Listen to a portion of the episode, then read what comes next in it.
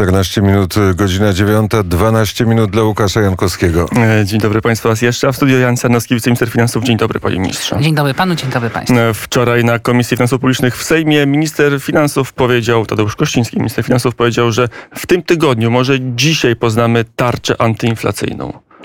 E, rzeczywiście, podstawowe założenia tarczy inflacyjnej powinny być zaprezentowane jeszcze w tym tygodniu. Również pośród nich znajdują się rozwiązania podatkowe. Co może zrobić Ministerstwo Finansów, żeby walczyć z inflacją?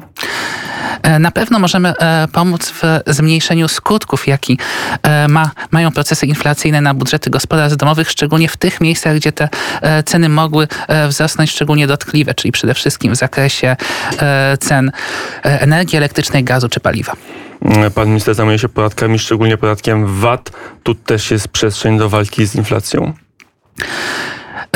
Przestrzeń również jest, ponieważ również pozwalają nam na to e, przepisy unijne. Natomiast szczegóły zostaną zaprezentowane właśnie w ciągu najbliższych dni. Mamy nadzieję przez pana premiera Morawieckiego. No, ale politycznie była dyskusja, że to jest broń e, z gatunku ciężkich, że ruszenie akcyzy albo, albo VAT-u to już jest takie poważne uderzenie, ono jest przewidywane. Z drugiej strony są to również e, propozycje, które były wielokrotnie postulowane e, przez rynek, przez przedsiębiorców, przez organizacje ich zrzeszające. Także e, jest to narzędzie stosowane też przez inne e, państwa, na przykład przykład przez e, Czechy, również dostosowania w tej sytuacji gospodarczej. Na ile to uszczupli budżet? Na ile budżet może sobie pozwolić, aby mieć mniejsze wpływy z tytułu VAT i akcyzy? Nie interpretowane to powinno być jako uszczuplenie budżetu, tylko jako e, inwestycja w polską gospodarkę i w to, żeby również te zmiany gospodarcze, też wywołane e, tak naprawdę zjawiskami globalnymi, e, w jak najmniejszym stopniu odbiły się z jednej strony na budżetach gospodarstw domowych, a z drugiej strony na kondycji biznesu. Mm, pan minister, patrząc na budżet państwa, projektując nasze finanse, liczy, że to będzie tylko ubytek w roku przyszłym, czy może na dłuższy okres czasu? W najbliższych miesiącach, e, przede wszystkim w ciągu e, pierwszego półrocza przyszłego roku, zjawiska inflacyjne powinny, e, powinny hamować, także nie jest to na pewno zjawisko, zjawisko długoterminowe. Czyli przyszły rok to będą niższe stawki akcyzy i VAT-u? Na pewno nie cały, natomiast szczegóły, szczegóły już niedługo. E, pan minister od, jako dyrektor departamentu, czyli najwyższy możliwy szczebel urzędniczy, jako wiceminister od pięciu lat przygląda się i pracuje w Ministerstwie Finansów nad uszczelnieniem podatków. E, wiele osób mówi, że już w VAT-ie nie ma co robić, że już w VAT-ie to, co udało się wycisnąć w ramach ograniczenia luki podatkowej już jest za nami, no, a reszta to już tylko drobnica. Rzeczywiście w ciągu ostatnich lat mieliśmy do czynienia z rekordowym spadkiem luki VAT-owskiej z poziomu mniej więcej 25% czyli tej sytuacji, kiedy praktycznie co czwarta złotówka, która powinna trafiać z tytułu VAT-u do budżetu, trafiała albo do szarej strefy, albo co gorsza do kieszeni mafii podatkowych wyłudzających nienależne zwroty podatku VAT. Teraz skala tych wszystkich zjawisk zmniejszyła się gwałtownie do poziomu nawet określanego przez e, instytuty badawcze tworzące badania na e, potrzeby Komisji Europejskiej do poziomu 8%. Natomiast nie jest to cały czas jeszcze ostateczna granica. Jest wiele dużych państw Unii Europejskiej, na przykład Francja, gdzie luka VAT-owska oceniana jest na mniej więcej 4 czy 5%, czyli wciąż również w przypadku Polski jest jeszcze miejsce do tego, żeby tą skalę nieprawidłowości zmniejszyć przynajmniej o połowę. Ale były efekty spektakularne w roku 16, 17, 18 to łącznie e, prawie 60 miliardów złotych dodatkowych wpływów do budżetu państwa, tak to e, wyliczył Polski Instytut Ekonomiczny, a potem, potem już nie było takich sukcesów. Potem to już były wpływy liczone w miliardach, pojedynczych miliardach złotych, albo i tego nie było. Ponieważ też i lata 2016, 17 i 18 były okresem, w którym wdrażano e, najnowocześniejsze e, i najlepsze rozwiązania. To był czas, kiedy objęto wszystkich przedsiębiorców obowiązkiem elektronicznego raportowania, czyli również e, dane raportowane przez przedsiębiorców z całego rynku mogły podlegać Ministerstwie Finansów automatycznym analizom przy pomocy e, analizatorów e, big data. Z drugiej strony również wdrożono pakiet, e, pakiet paliwowy i możliwość rozliczania się przy pomocy odwrotnego obciążenia. Kolejne lata to był czas realizacji tych e, rozwiązań i przygotowywania kolejnych. I teraz jesteśmy u progu kolejnej fali uszczelniania. Już w styczniu przyszłego roku przedsiębiorcy e, w formule dobrowolnej, a od marca 2023 w formule obligatoryjnej stosować będą e-fakturę. Czyli to każda faktura będzie u pana ministra w komputerze? Każda faktura wystawiona przez przedsiębiorcę od najpóźniej drugiego kwartału 2023 e, będzie wy, przygotowywana przez przedsiębiorcę, natomiast będzie trafiała elektronicznie do jego kontrahenta za pośrednictwem bramki w Ministerstwie Finansów. Także informacje o obrocie między przedsiębiorcami Ministerstwo Finansów będzie otrzymywać nie po mniej więcej półtora albo nawet dwóch miesiącach, tak jak jest teraz, tylko praktycznie w czasie rzeczywistym. W ten sposób żywotność karuzeli podatkowych zmniejszy się z aktualnej tak trzech do czterech miesięcy do praktycznie kilku tygodni. Ale żeby w tych y, milionach, a może i miliardach faktur wpływających wyłuskać, co jest karuzelą finansową, a co nie jest, to trzeba mieć jakieś niesamowite możliwości obliczeniowe i dobre, i dobre algorytmy. Zgadza się, Ministerstwo Finansów już teraz analizuje terabajty e, danych. Wolumen danych, które będą wpływały do Ministerstwa Finansów się nie zmieni. Zmieni się tylko e, częstotliwość, czyli zasilanie baz danych ministerstwa w czasie rzeczywistym, a nie w tych amplitudach e, dwumiesięcznych. I to właśnie znacznie przyspieszy e, analizy. Pamiętajmy, analizy prowadzone przez Ministerstwo Finansów to nie jest tylko zestawianie jeden do jednego, czy osoba A sprzedała osobie B, czy osoba B to potwierdziła. To jest również badanie częstotliwości obrotu, wysokości ceny, tak żeby stwierdzić, czy transakcje między przedsiębiorcami e, nie mają przypadkiem charakteru sztucznego, czy mamy do czynienia z pustymi fakturami, które dokumentują obrót, który tak naprawdę nigdy nie zaistniał. No, w tej chwili jest tak, że wy widzicie karuzele finansowe te 2-3 miesiące później, a teraz zobaczycie je na żywo od razu, dzień po. Na żywo dzień po dostaniemy informacje, natomiast po przeprowadzeniu procesu analitycznego będziemy je widzieć no, praktycznie w ciągu dwóch, trzech tygodni. Znaczy uszczelnianie VAT-u to jest tak, że to jest ciągły, ciągły pościg, że przestępcy mają ciągle nowe pomysły, a wy jesteście zawsze o krok za nimi. Oni coś wymyślą, a wy dopiero potem, rok czy dwa lata później będziecie to uszczelniać. To będzie taka zabawa w kotka i myszkę przez całe życie do końca świata? Zabawa w kotka i myszkę do końca świata to jest bardziej e, klasyfikacja, cecha e, szczególna rozwiązań CIT-owskich, sytuacji, w których poruszamy się nie w e, przestrzeni zero-jedynkowej, czyli przestępstwo lub działanie zgodnie z prawem, tylko w tych wielu, wielu odcinach, odcieniach szarości dotyczącej tego, czy e, dane działanie ma uzasadnienie gospodarcze, czy może jest ono tylko i wyłącznie e, podyktowane kwestiami A w podatkowymi. VAT-ie e-faktura kończy jakiś taki proces doszczelniania tego sektora. Już nie będzie wielkich karuzel VAT-owskich nigdy więcej w Polsce?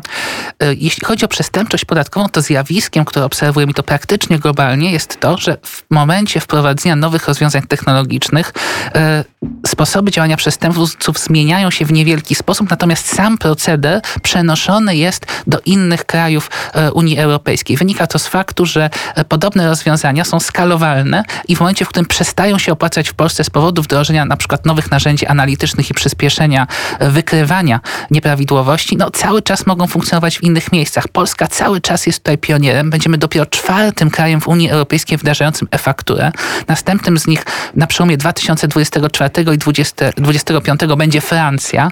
Inne państwa dopiero te możliwości analizują. Także w przypadku walki z przestępczością i karuzelami podatkowymi nie spodziewamy się zmiany sposobu działania przestępców, bardziej tego, że po prostu przeniosą się do innego kraju, ale tu też chcemy, żeby jak najwięcej państw Unii Europejskiej wdrażało rozwiązania sprawdzone w Polsce. Już nawiązaliśmy w ciągu ostatnich lat bardzo bliską współpracę ze wszystkimi krajami Grupy Wyszehradzkiej, a także z e, Estonią. Trwają aktualnie negocjacje z Łotwą i z Bułgarią. Zależy nam na tym, żeby udostępniać nasze e, doświadczenie analityczne, algorytmy, które stosujemy również innym państwom, tak żeby wdrażały podobne rozwiązania. Tak jak Polska, tworząc e-fakturę, działała w bardzo bliskim tandemie z e, Włochami, które tego rodzaju rozwiązanie wprowadziły u siebie e, 3 czy 4 e, lata temu, tak W my bazując 2017 roku. dokładnie na tych doświadczeniach e, które udało nam się zdobyć, chcemy, żeby jak najwięcej państw również ten system u siebie. Mm, Od y, paru lat, od roku 18-19 y, premier Mateusz Morawiecki mówił, że w VAT-ie dużo zrobiono od pora na podatek CIT, czyli podatek od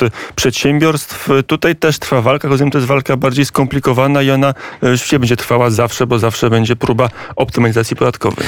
Zgadza się, natomiast również jest to walka, którą można w znaczny sposób uprościć i ułatwić po stronie Ministerstwa Finansów właśnie z wykorzystaniem najnowszych technologii. Pakiet podatkowy Polskiego Ładu przewiduje od roku 2023 również e, elektroniczne raportowanie e, ksiąg rachunkowych oraz danych podatkowych CIT-owców i PIT-owców. Efekty będą dwa. Pierwszy taki, że również dla przedsiębiorców w perspektywie kilku lat udostępniona zostanie usługa Twój EPI, czyli automatyczne rozliczenie przedsiębiorcy przez Urząd Skarbowy, ale z drugiej strony również możliwe będzie zastosowanie algorytmów po to, żeby właśnie te nieprawidłowości wykrywać. E, Krzysztof Kowalski do takie, studia. takie decyzje podejmują e, mini, p- politycy, ale czy zdają sobie sprawę, jak wzrasta biurokracja wewnątrz e, nawet małej firmy, takiej małej firmy, jakim jest Radio Wnet?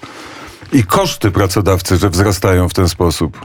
Ogromna większość rozwiązań, szczególnie tych związanych z elektronizacją rozliczeń, są to rozwiązania, e, które są do wdrożenia praktycznie automatycznie poprzez e, wdrożenie nowego oprogramowania finansowo-księgowego. Także e, wraz Które z kolejnym kosztuje, update'em prawda? systemu I kolejny update, i kolejna zmiana, i kolejne nauczanie, i kolejna księgowa, która musi to e, nauczyć się księgować. To Takie jest- są konsekwencje tego wszystkiego. Głos przedsiębiorcy. E, Księgowa jest najczęściej taka sama, natomiast e, całe szczęście ogromna większość tych procesów jest już zautomatyzowanych, także po wypełnieniu odpowiednich rubryk w systemie finansowo-księgowym dane są automatycznie zaciągane do e, tego, tej paczki danych, która idzie do Ministerstwa Mówili, Finansów. mówili panowie o akcyzie, o pakiecie antyinflacyjnym. A jakie podatki zostaną wprowadzone, jakie zostaną podwyższone?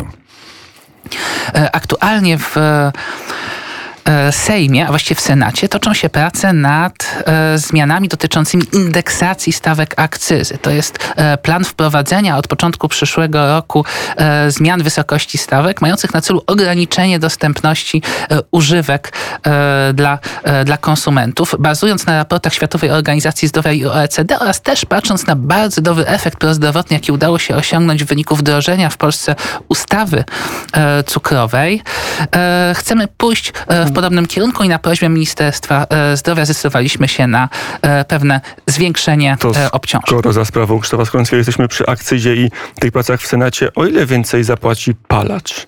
Palacz papierosów miesięcznie.